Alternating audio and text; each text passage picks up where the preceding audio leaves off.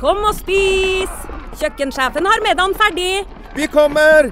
Vi skal bare Åh, det er da så morsomt her på Stiklestad! Ja, men sjøl en god viking må ha både mat og hvile. Og dessuten kan dere nå være noen dager. Velkommen til Scandic Stiklestad. Moderne fasiliteter i historiske omgivelser. Det var her det skjedde. Det er her det skjer.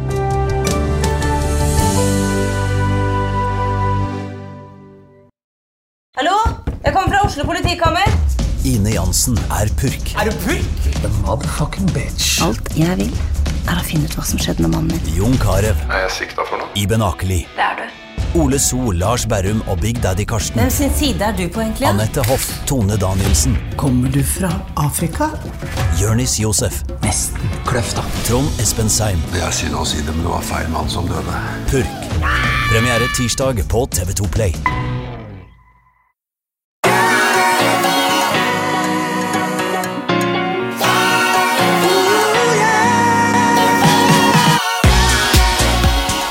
Ole Petter, eh, er, vi er begge fedre, eh, og vi er begge tidligere idrettsutøvere. Eh, Og vi, jeg er jo liksom, bakgrunnen min fra idrett det er jo sånn, jeg har jo alltid lært at du må ha et godt grunnlag for å tåle mye trening. Og de som er best i idrett, vi ser liksom de som virkelig blir gode, sånn som Edvard Baasen Hagen, Petter Northug, Håvard Bøkko, eh, Aamodt ikke minst, Kjetil André Aamodt, eh, og masse andre eksempler, Tor Hushovd, Lars Arvesen, you name it. De har vært mye aktivitet som barn. Eh, og Grunnen til at jeg snakker om det her nå, er fordi at det med barn og aktivitet, det var jo allerede en eh, ting man var ganske opptatt av før koronakrisa. Og Så kommer koronakrisa, og så er det kanskje enda mer tydelig enn før. Eh, Jeg ser fra mine egne erfaringer at sønnen min som spilte mye fotball liksom utenfor, for jeg sa den beste treninga er den som er utenom treningen, har jeg sagt til han. Så ut og spill, få med deg ungene ut. Men nå så ble jo det Det, det miljøet har rakna. Eh, De sitter mye mer nå foran eh, iPad, særlig. Eh, Og vi har jo måttet lage begrensninger nå for sønnen vår. At han får ikke lov til å spille i ukedagene, faktisk. Og det tror jeg er lurt, for nå er han sju år. altså jeg, jeg bare liksom tenker med frykt på hvordan han vil være når han er 13, da, hvis ikke vi på en måte begynner å jobbe med det allerede tidlig. Men Ole Petter, du, vært, du er veldig opptatt av dette med fysisk aktivitet og barn, og du er hjerneforsker. Eh, Og Hvorfor er det så viktig for barn å være fysisk aktive? Altså Bevegelse og fysisk aktivitet for barn det, er, det handler mye mer om å være i god fysisk form. Altså Det er helt nødvendig for barns både fysiske, motoriske og mentale utvikling. Det er lek og aktivitet. Og En av de tingene som bekymrer meg litt, er jo at eh, det er ganske annerledes i dag enn eh, enn det var før. Veldig mye av barns aktivitet er ikke lenger spontan. altså Den er blitt voksenstyrt av voksenstyrte arenaer, og det er fotballtrening og organiserte aktiviteter. Og det er veldig flott. Tidligere så var veldig mye mer av leken spontan, gikk på barns premisser, de møttes på løkka. Og det er jo litt ironisk, eh, sånn som i dag, så, eller tidligere iallfall, så husker jeg mine foreldre sa nå må du huske å komme hjem før det blir mørkt. Og nå er det jo helt snudd på hodet. Nå er det jo sånn vi sier til barna våre nå må du se å komme deg ut. Så eh, hverdagen til barn altså, er mye mer preget av stillesitting enn det den var før. En annen type lek også. Og um, spesielt under koronapandemien så har det vært uh, veldig mye stillesitting for barn. Jeg er fotballtrener selv for laget til sønnen min. 14-15 gutter, 8-9 år gamle. Og etter tre-fire uker uten noen som helst form for organisert trening, hvor veldig mange satt inne og spilte, så ser jeg jo det at de er jo i en helt annen fysisk form. Blir mye fortere slitne. Ganske mange har gått opp i vekt og er rett og slett slappe. Det er, eh, det er litt eh, spesielt akkurat det der, der eh, i forhold til korona og fysiabilitet og det har vært mye frykt i samfunnet osv. Det er veldig forskjell på foreldre i forhold til om vi lar barna de lar barna være ute og leke med at det var fem og fem. ikke sant? Veldig vanskelig å holde. Eh, Og så er det en som da Hvis det er fem barn, og så da, kommer det en sjette, og så blir det skudd på en måte én ut. da. Eh, og Det har vært ganske hardt og brutalt, synes jeg, akkurat det der. da. Eh, Og jeg har jo sagt at om det er fem eller seks, det spiller da ingen rolle. Det går bra. Men eh, du nevnte dette her med at barn er stillesittende og enda mer i, i, under koronakrisen. Men har vi noe tall på eh, barn, eller aktivitetsnivået til barn? I for, altså utviklingen på det? Ja, det, det, har vi. Den siste studien som ble gjort på dette, den ble gjort i 2011 av Helsedirektoratet. og Der er det snakk om objektive målinger som man putter på sånne små aktivitetsmålere på forskjellige grupper med barn og unge, og så ser man hvor mye de beveger seg. Så objektive tall. Da. Og, og da ser vi jo at eh, når man undersøker barnehagebarn, og da er det skolestarterne, dvs. Si de som snart er ferdige med barnehagen og skal begynne på skolen. Så måler man aktivitetsnivået deres i, eh, i en uke. Og så måler man de igjen noen måneder senere. Da har de begynt i første klasse. Og det vi ser da, er at aktivitetsnivået er redusert med rundt 40 mm. Altså Det finnes ikke et barnehagebarn i Norge som ikke leker en time om dagen, som er myndighetenes anbefaling. Så begynner de på skolen, og da er vi nede i par og 90% samlet for gutter og jenter, som er i aktivitet én time om dagen. Går vi til niåringene, så er vi nede i noen og 70% og går vi til tolvåringene, så er det rundt 50 Og Jo eldre de blir da på skolen, jo mindre beveger de seg. Så En gjennomsnittlig norsk 15-åring sitter eller ligger 70% av døgnet. Og det er jo ikke bra. Det er verken bra for den fysiske helsen, motorisk utvikling og læring heller. Eh, har jo, du har jo vært ute og holdt i foredrag med min far.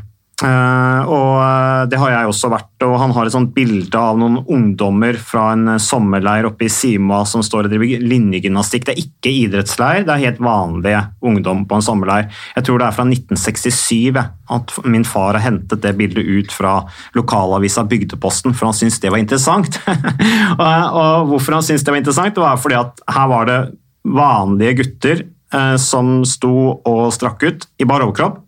Og alle er slanke. og Han viser dette bildet på, på, disse foredragene, og dere har jo holdt foredrag sammen, så du har jo sett det. Og så spør han da sånn retorisk publikum liksom Ja, hva er det med det bildet her? Og så er det litt stille, og så er det alltid en som rekker opp hånda og sier ja, de er jo så tynne. Og så sier fattern ja, de er normale, sier han.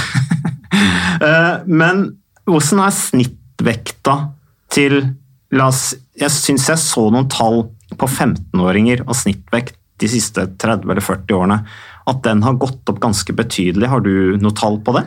Jeg husker ikke tallene helt i hodet, for å være ærlig, men det har blitt en eh, ganske betraktelig økning i gjennomsnittsvekten på norske barn. Og Det gjelder voksne også, selvfølgelig. Og faktisk nå blitt såpass stor økning at eh, helt seriøst så er det jo en del som mener at vi må endre disse begrepene på hva som klassifiseres som overvektig, disse BMI- eller kroppsmasseindekstallene. da Mm. Fordi at nå er det en så stor andel av nordmenn som går inn i både barn og voksne, som går inn i kategorien overvektig. Ok, Så de skal endre BME fordi det er en ny normal? Nemlig. Ja. ikke sant? Og det har de jo, det, Men det har de snakket om aktivitetsnivå. Før var det en halvtime, og nå skal de redusere det også. Fordi at det viser seg at det er så vanskelig å oppnå det målet. Så man justerer da bare til normalen, men da blir det bare verre og verre, da. Ja, jeg mener jo dette er helt gal vei å gå. Vi må heller prøve å ta tak i årsakene til at det er såpass mange som beveger seg mindre og bl.a. spiser usunt og ender opp med å få høyere vekt. Jeg er veldig opptatt av det, spesielt når det gjelder barn og unge. da, Ikke ha for mye fokus på den vektbiten. Mm. For jeg tenker Det er ikke vektbiten i seg selv som er, nødvendigvis er skadelig, men det er liksom hva som ligger under f.eks. For, for lite aktivitet. Vi vet jo det at bevegelse kanskje er den viktigste måten å forebygge overvekt på. Så, og det er jo sånn at det er bedre å ha noen kilo for mye og være i god fysisk form enn å være slank og inaktiv. Så jeg er veldig opptatt av det å ikke fokusere for mye på den vektbiten, som er veldig stigmatiserende og, og, og vanskelig å gjøre noe med. Prøv heller å fokusere på de grunnleggende tingene som gjør at du kanskje ikke går opp i vekt.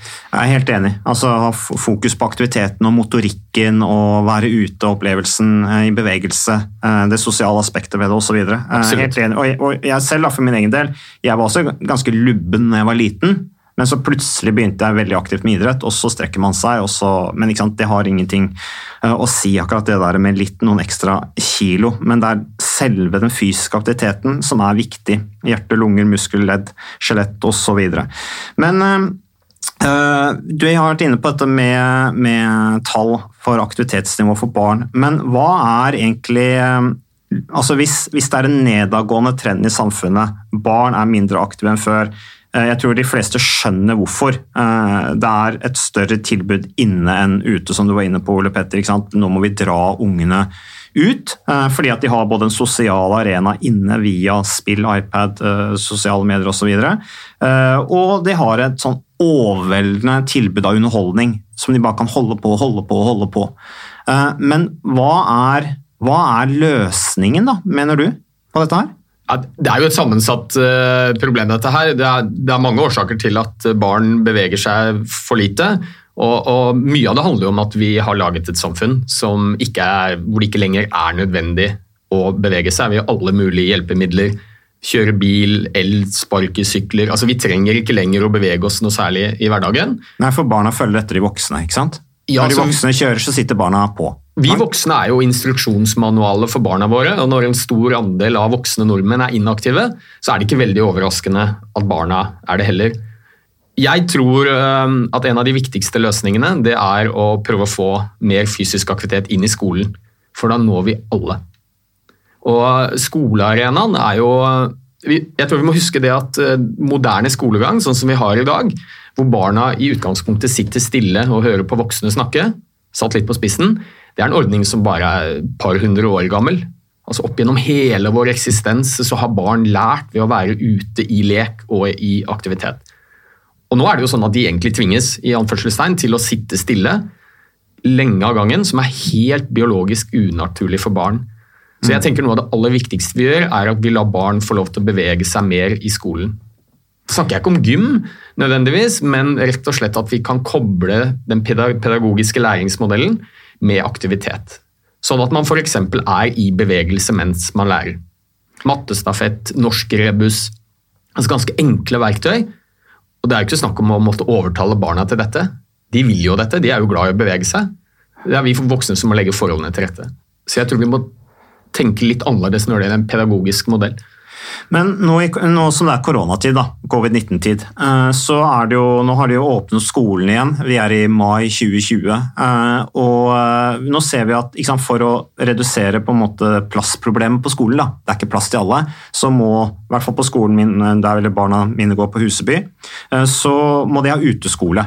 Og da kan de jo praktisere det. da, så Nå har man jo egentlig en mulighet i krisetid til å kanskje endre på undervisningsopplegget, sånn at man legger litt mer til rette for være ute, fysisk aktivitet og tilnærming til læring samtidig. Ja, da, og dette er jo helt fantastisk, og det er jo en av kalde bivirkningene ved denne covid-pandemien. At man har måttet bli tvunget til å tenke litt annerledes. Jeg har tre barn, og en i barnehage og to på skolen. Og de beveger seg jo mye mer nå, fordi det er uteskole. Jeg har en sønn på fire år. I går kom han hjem fra barnehagen. Han hadde gått en og en halv mil. For de kan ikke være inne alle sammen, så de er ute. Og de går. Barna elsker det jo. De voksne også. Så her tror jeg vi har et mulighetsrom, og kanskje ser man at dette er noe man kan fortsette med etter at eh, pandemien har bremt ut. Det er spennende, men du var jo også en del av et sånt prosjekt, eh, var det ikke Horten? At du var med på et eh, forskningsprosjekt rundt dette med fysisk aktivitet? Jo da, det, I Horten kommune, hvor jeg bor, så startet man i 2015 et prosjekt som heter HOPP. Helsefremmende oppvekst. Og Grunnpilaren i det prosjektet det er å, å gi barna mer fysisk aktivitet i skolen. Så istedenfor to timer gym, som var standard i 2015, så har de nå én time med fysisk aktivitet hver eneste skoledag. Og det er ikke mer gym, det er da det jeg snakket om, aktiv læring. Så de har mattestafett, f.eks. hvor tredjeklassinger stiller seg opp i skolegården i to rader, og så sier læreren 'klar, ferdig, gå', og så løper de inn i et skogholt 150 meter unna skolegården. Der ligger det en liten boks, åpner de den, og så er det en lapp, og så står det 'hva er tre ganger tre'? Eh, Ni, sier eleven. Og så må de ta ni knebøy. Og så løper de tilbake til nestemann. Så sånn, sånn går mattetimen. Du kan jo bare tenke deg. Tror du barna syns det er gøy? Når var det du sa at prosjektet var?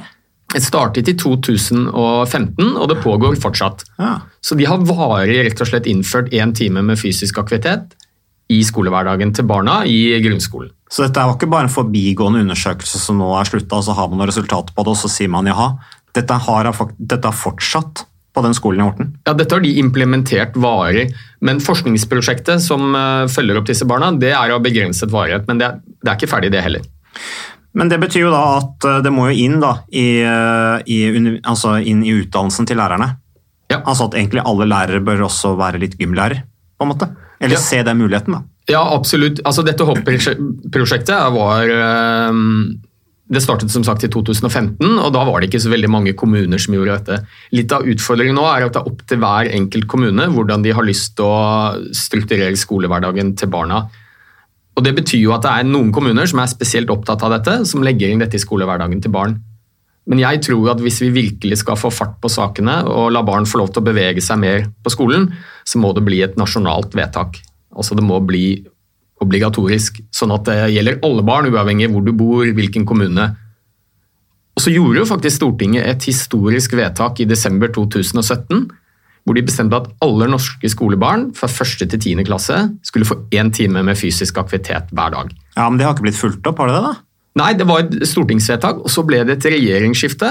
Og så ble Utdanningsdepartementet da bedt om å utrede og implementere dette vedtaket. Så gikk de til det historiske skrittet og si at nei, dette syns vi er litt for tidlig. Det mangler forskning, og det blir for dyrt. Så det mangler forskning på, på effekten av fysisk aktivitet. Jeg tror ikke jeg kan eh, komme på noe stortingsvedtak som kanskje har bedre forskningsmessig ryggdekning enn akkurat at det å bevege seg mer for barn er bra. Det er bra for fysisk helse, mental helse, det er bra for læring. Så dette er jo et politisk spill. Men det jobbes med saken, og jeg tror det er en snøball som har begynt å rulle. Men det er jo flere ting som må på plass. Det ene er jo da som sagt vedtaket. Og så er jo Lærerne er jo det aller viktigste verktøyet vi har. Og Det er jo litt begrenset hvor mye man lærer om fysisk aktivitet i lærerstudiet. så Ukas annonsør det er eh, HelloFresh. Og eh, hvis du nå går inn på hellofresh.no og bruker koden 'fresh hjerne', så kan du få opptil 1779 kroner rabatt på da de fem første matkassene dine hvis du ikke har prøvd HelloFresh enda. Og Ole Petter, vi er jo glad i HelloFresh i podkasten Hjernesterk, selvfølgelig fordi at de er en annonsør. De er med og bidrar til å spre det glade ordet om fysisk aktivitet og god helse. Men i tillegg så har jo vi også nå lang erfaring med HelloFresh selv. Så vi må jo si at det har vært gode erfaringer til nå. Ja, absolutt. Visste du, Mats, at HelloFresh det er faktisk verdens ledende matkasseleverandør? Og tilbudene til HelloFresh gjør det enkelt å lage gode og varierte retter som skaper matglede. Og matglede vet du, det er like viktig som hva du putter i munnen. Det å spise mat med folk du trives med.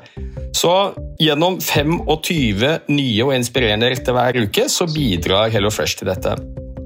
Du kan bestille ekstra porsjoner om du får gjester, eller hoppe over uke hvis du f.eks.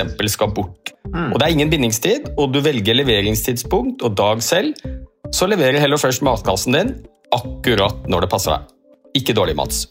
Nei, det er veldig bra. Så, øh, og dette er med enklere hverdag, det kan jeg nå skrive under på. For nå, forrige erfaring vi hadde forrige uke, Ole Petter, det syns jeg var Det var jo et gjennombrudd øh, for familien Kaggestad. For da lagde rett og slett barna De lagde middag og serverte middagen, så den var ferdig laget og servert da når eh, min kone Marita og meg kom hjem fra jobb.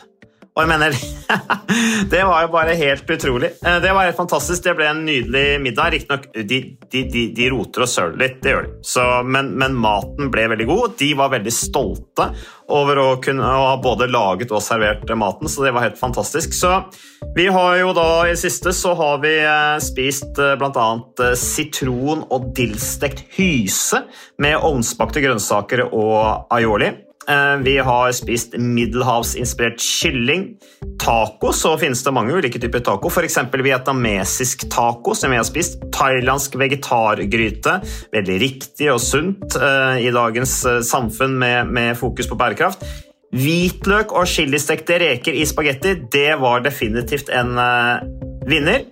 Så det er så flott. Du får rimelig mat ved at du kun betaler for det du trenger, så det blir ordentlig feststemning med Hello Fresh. Det gjør det, og nå er det bare for deg å gå inn på hellofresh.no og bruk koden FRESH hjerne. Da får du opptil 1779 kroner rabatt på de første fem matkassene dine, hvis du ikke allerede har prøvd HelloFresh. Du kan også bruke rabattkoden hvis du har stoppet abonnementet ditt for tolv måneder siden eller mer. Er det noe å lure på. Håper maten smaker godt. Bon appétit!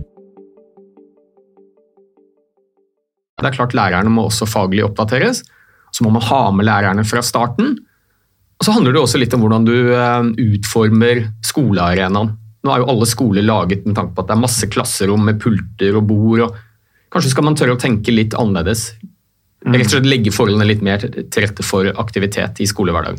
Ja, så er det viktig da, at den fysiske aktiviteten, altså Hvorfor skal man ha fokus på fysisk aktivitet på skolen? og sånne ting? Vi snakker om dette med vekt og dette med, med idrettsutøvere som er innleda på, men det handler om tilnærmingen til læring. altså Økt konsentrasjon. Det er derfor fysisk aktivitet er viktig. Det er det som er det primære med dette her. Ja da, og vi, har, vi, vet jo, og har visst veldig lenge, at det å være med i bevegelse er bra for barnas fysiske form.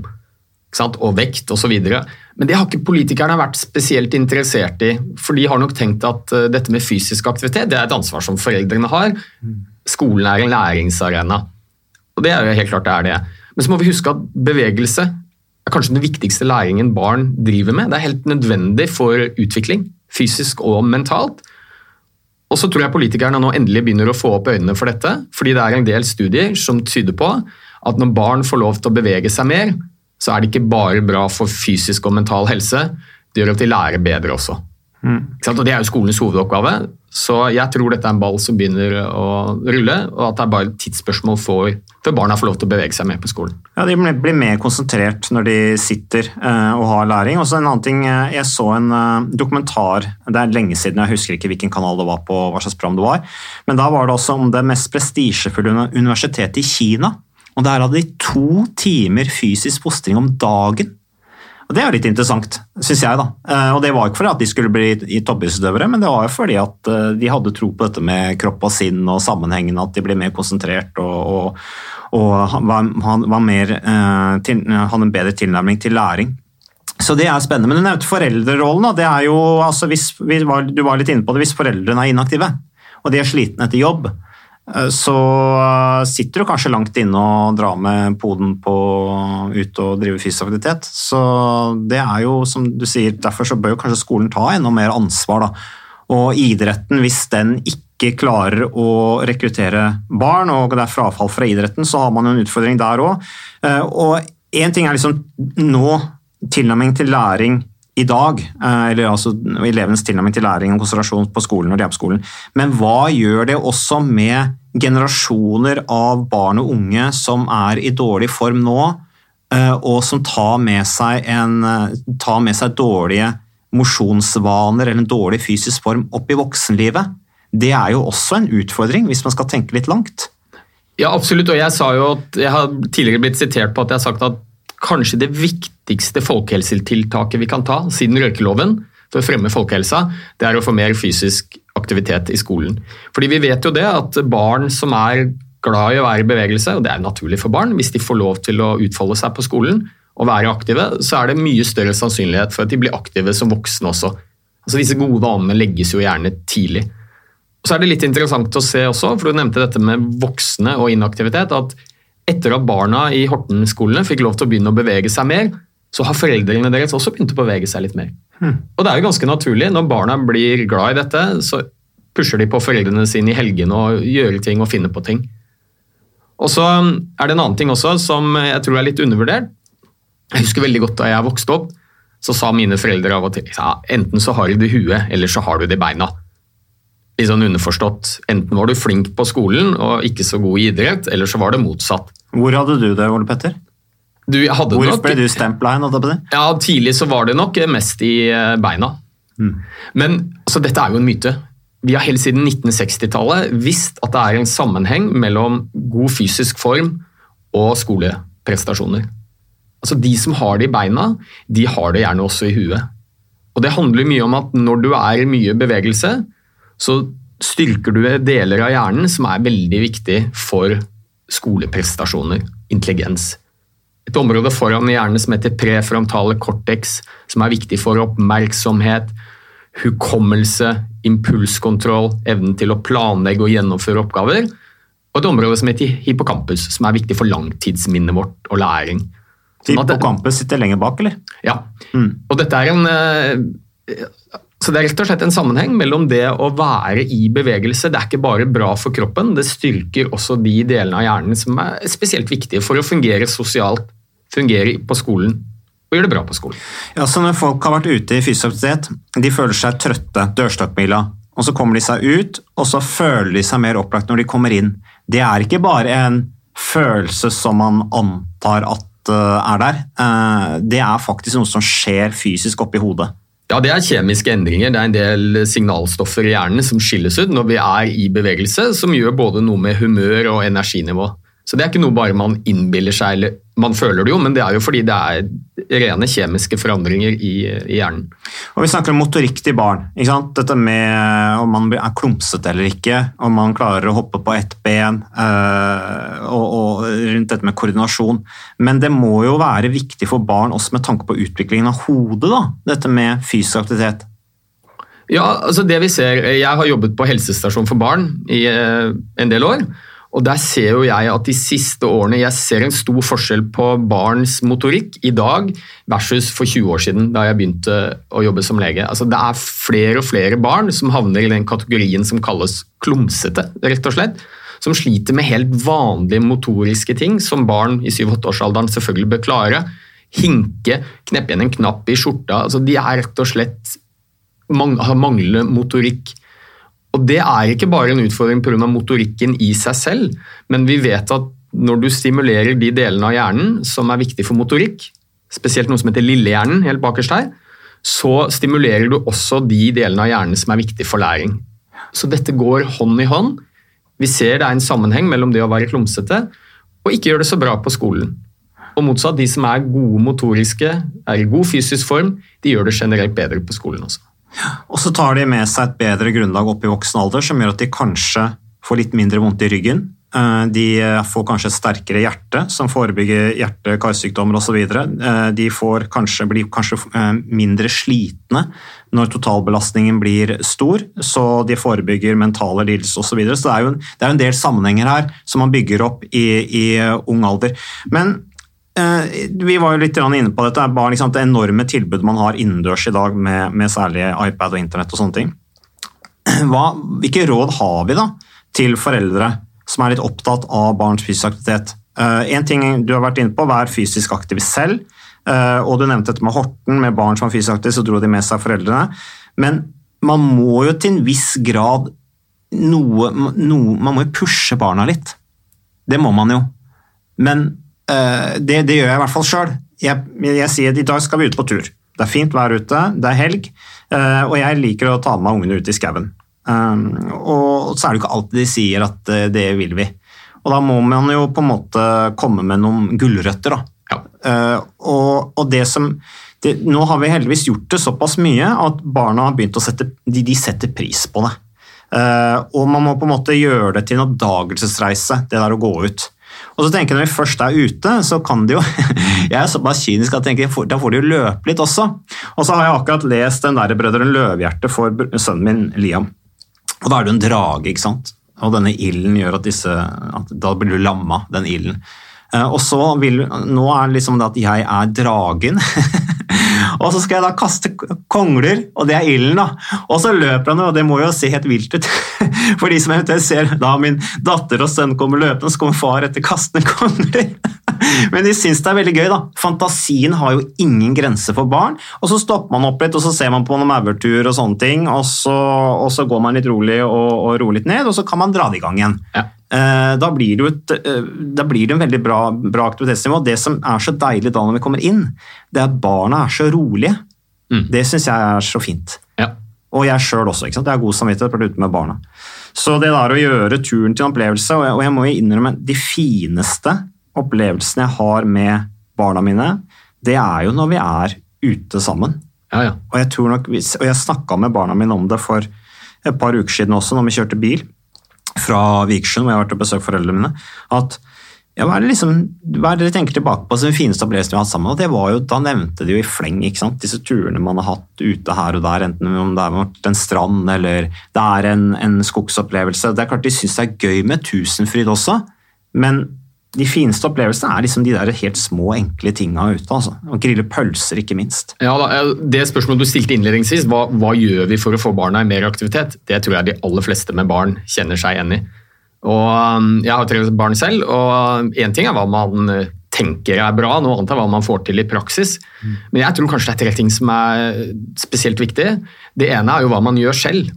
Sant? For vi, mange foreldre, meg selv inkludert, er bekymret for hvor mye tid barna bruker på skjerm mobiltelefon og PlayStation. Og så sier vi til barna at du må ikke være så mye på skjerm. ikke sant? Men hva er det de ser? Vi sitter jo akkurat like mye på skjerm selv. Mm. Så det handler litt om å være en god rollemodell der.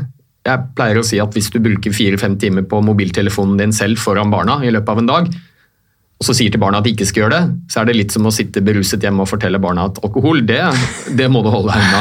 Ja. Så det er jo litt hva er det man gjør selv. Mm. Og så tror jeg med barn så er det viktig med noen restriksjoner. Fordi barns hjerne er ikke moden nok til å se konsekvenser av handlingene de gjør, på samme måte som oss voksne.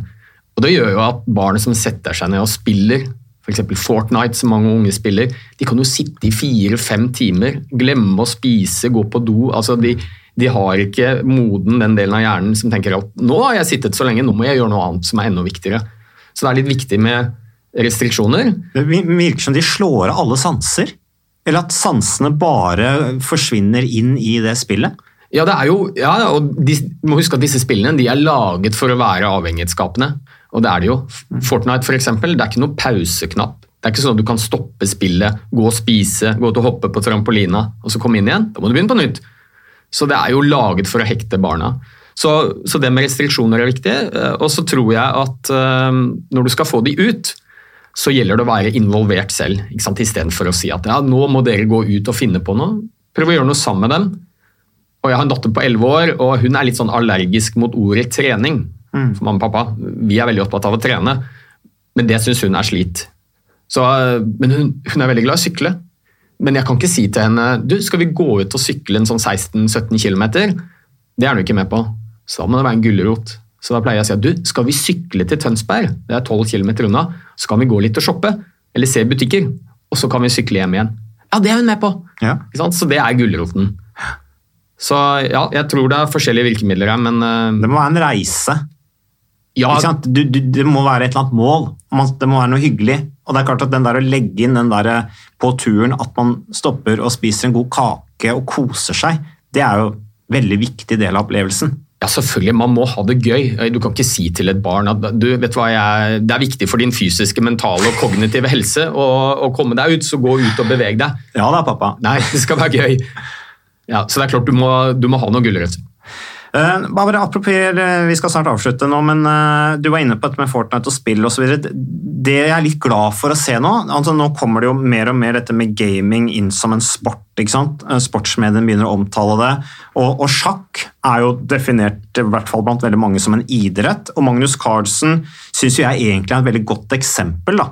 Fordi at han, han trener jo også litt fysisk og sier jo at det er en del av helheten i forhold til å klare å være verdens beste sjakkspiller. Og Nå ser vi at det også begynner å komme inn i gamingmiljøet. Det begynner å bli såpass mye penger, såpass mye prestisje. Eh, og du har disse lagene som også nå har begynt å engasjere trenere. Og det er jo positivt, da. For da begynner for liksom den stereotype oppfatningen av en gamer, den har jo kanskje de fleste som ganske stor og, og, og, og ustelt og som ikke tar noe vare på seg selv i det hele tatt. Men nå har i hvert fall det aspektet begynt å komme inn i gamemiljøet. At blir en helhetstankegang. da. Og det sier seg selv, altså Hvis du skal sitte der og konsentrere og være verdens beste gamer, eller kjempe i toppen, og du har mye vondt i ryggen og mye vondt i nakken og sliter med å konsentrere deg, så, så, sier det seg selv at det kanskje går utover prestasjonen, for det er sikkert små marginer der også. Så det er i hvert fall positivt, eh, tenker jeg da. Men er det noe du vil legge til eh, oppi dette her? Det er, dette her er jo et tema som du er engasjert i veldig mye når det gjelder fysisk aktivitet og folkehelse, Ole Petter, men akkurat det med barn er, er spennende. Ja, da, jeg tenkte litt i forlengelsen av det du sa med gaming og sjakk og alt dette her, og jeg tror det vi begynner å bli klar over, veldig mange, som jeg mener er veldig underkommunisert fortsatt, det er at fysisk aktivitet er ikke bare bra for kroppen. Jeg pleier å si at hjernen vår er sannsynligvis det organet som påvirkes aller mest når vi beveger oss. Og Det er jo en naturlig forklaring på hvorfor Magnus Carlsen har trening, fysisk aktivitet, som en helt essensiell del av opplegget sitt for sjakk. Han sitter jo ikke bare i ro og spiller sjakk. For han vet at det, når han er i god fysisk form og beveger seg, så blir konsentrasjonen bedre, oppmerksomhet bedre, kreativitet. Og det er klart, om du er gamer, gamer eller sjakkspiller, så er jo det, det er jo huet du er avhengig av. Mm. Så jeg pleier å si som Bent Høie det, at det som er bra for kroppen, det er bra for toppen. Helt klart. Så uh, vi lar det være siste ord i uh, denne podkasten om barn og fysisk aktivitet. Vi er straks tilbake med mer.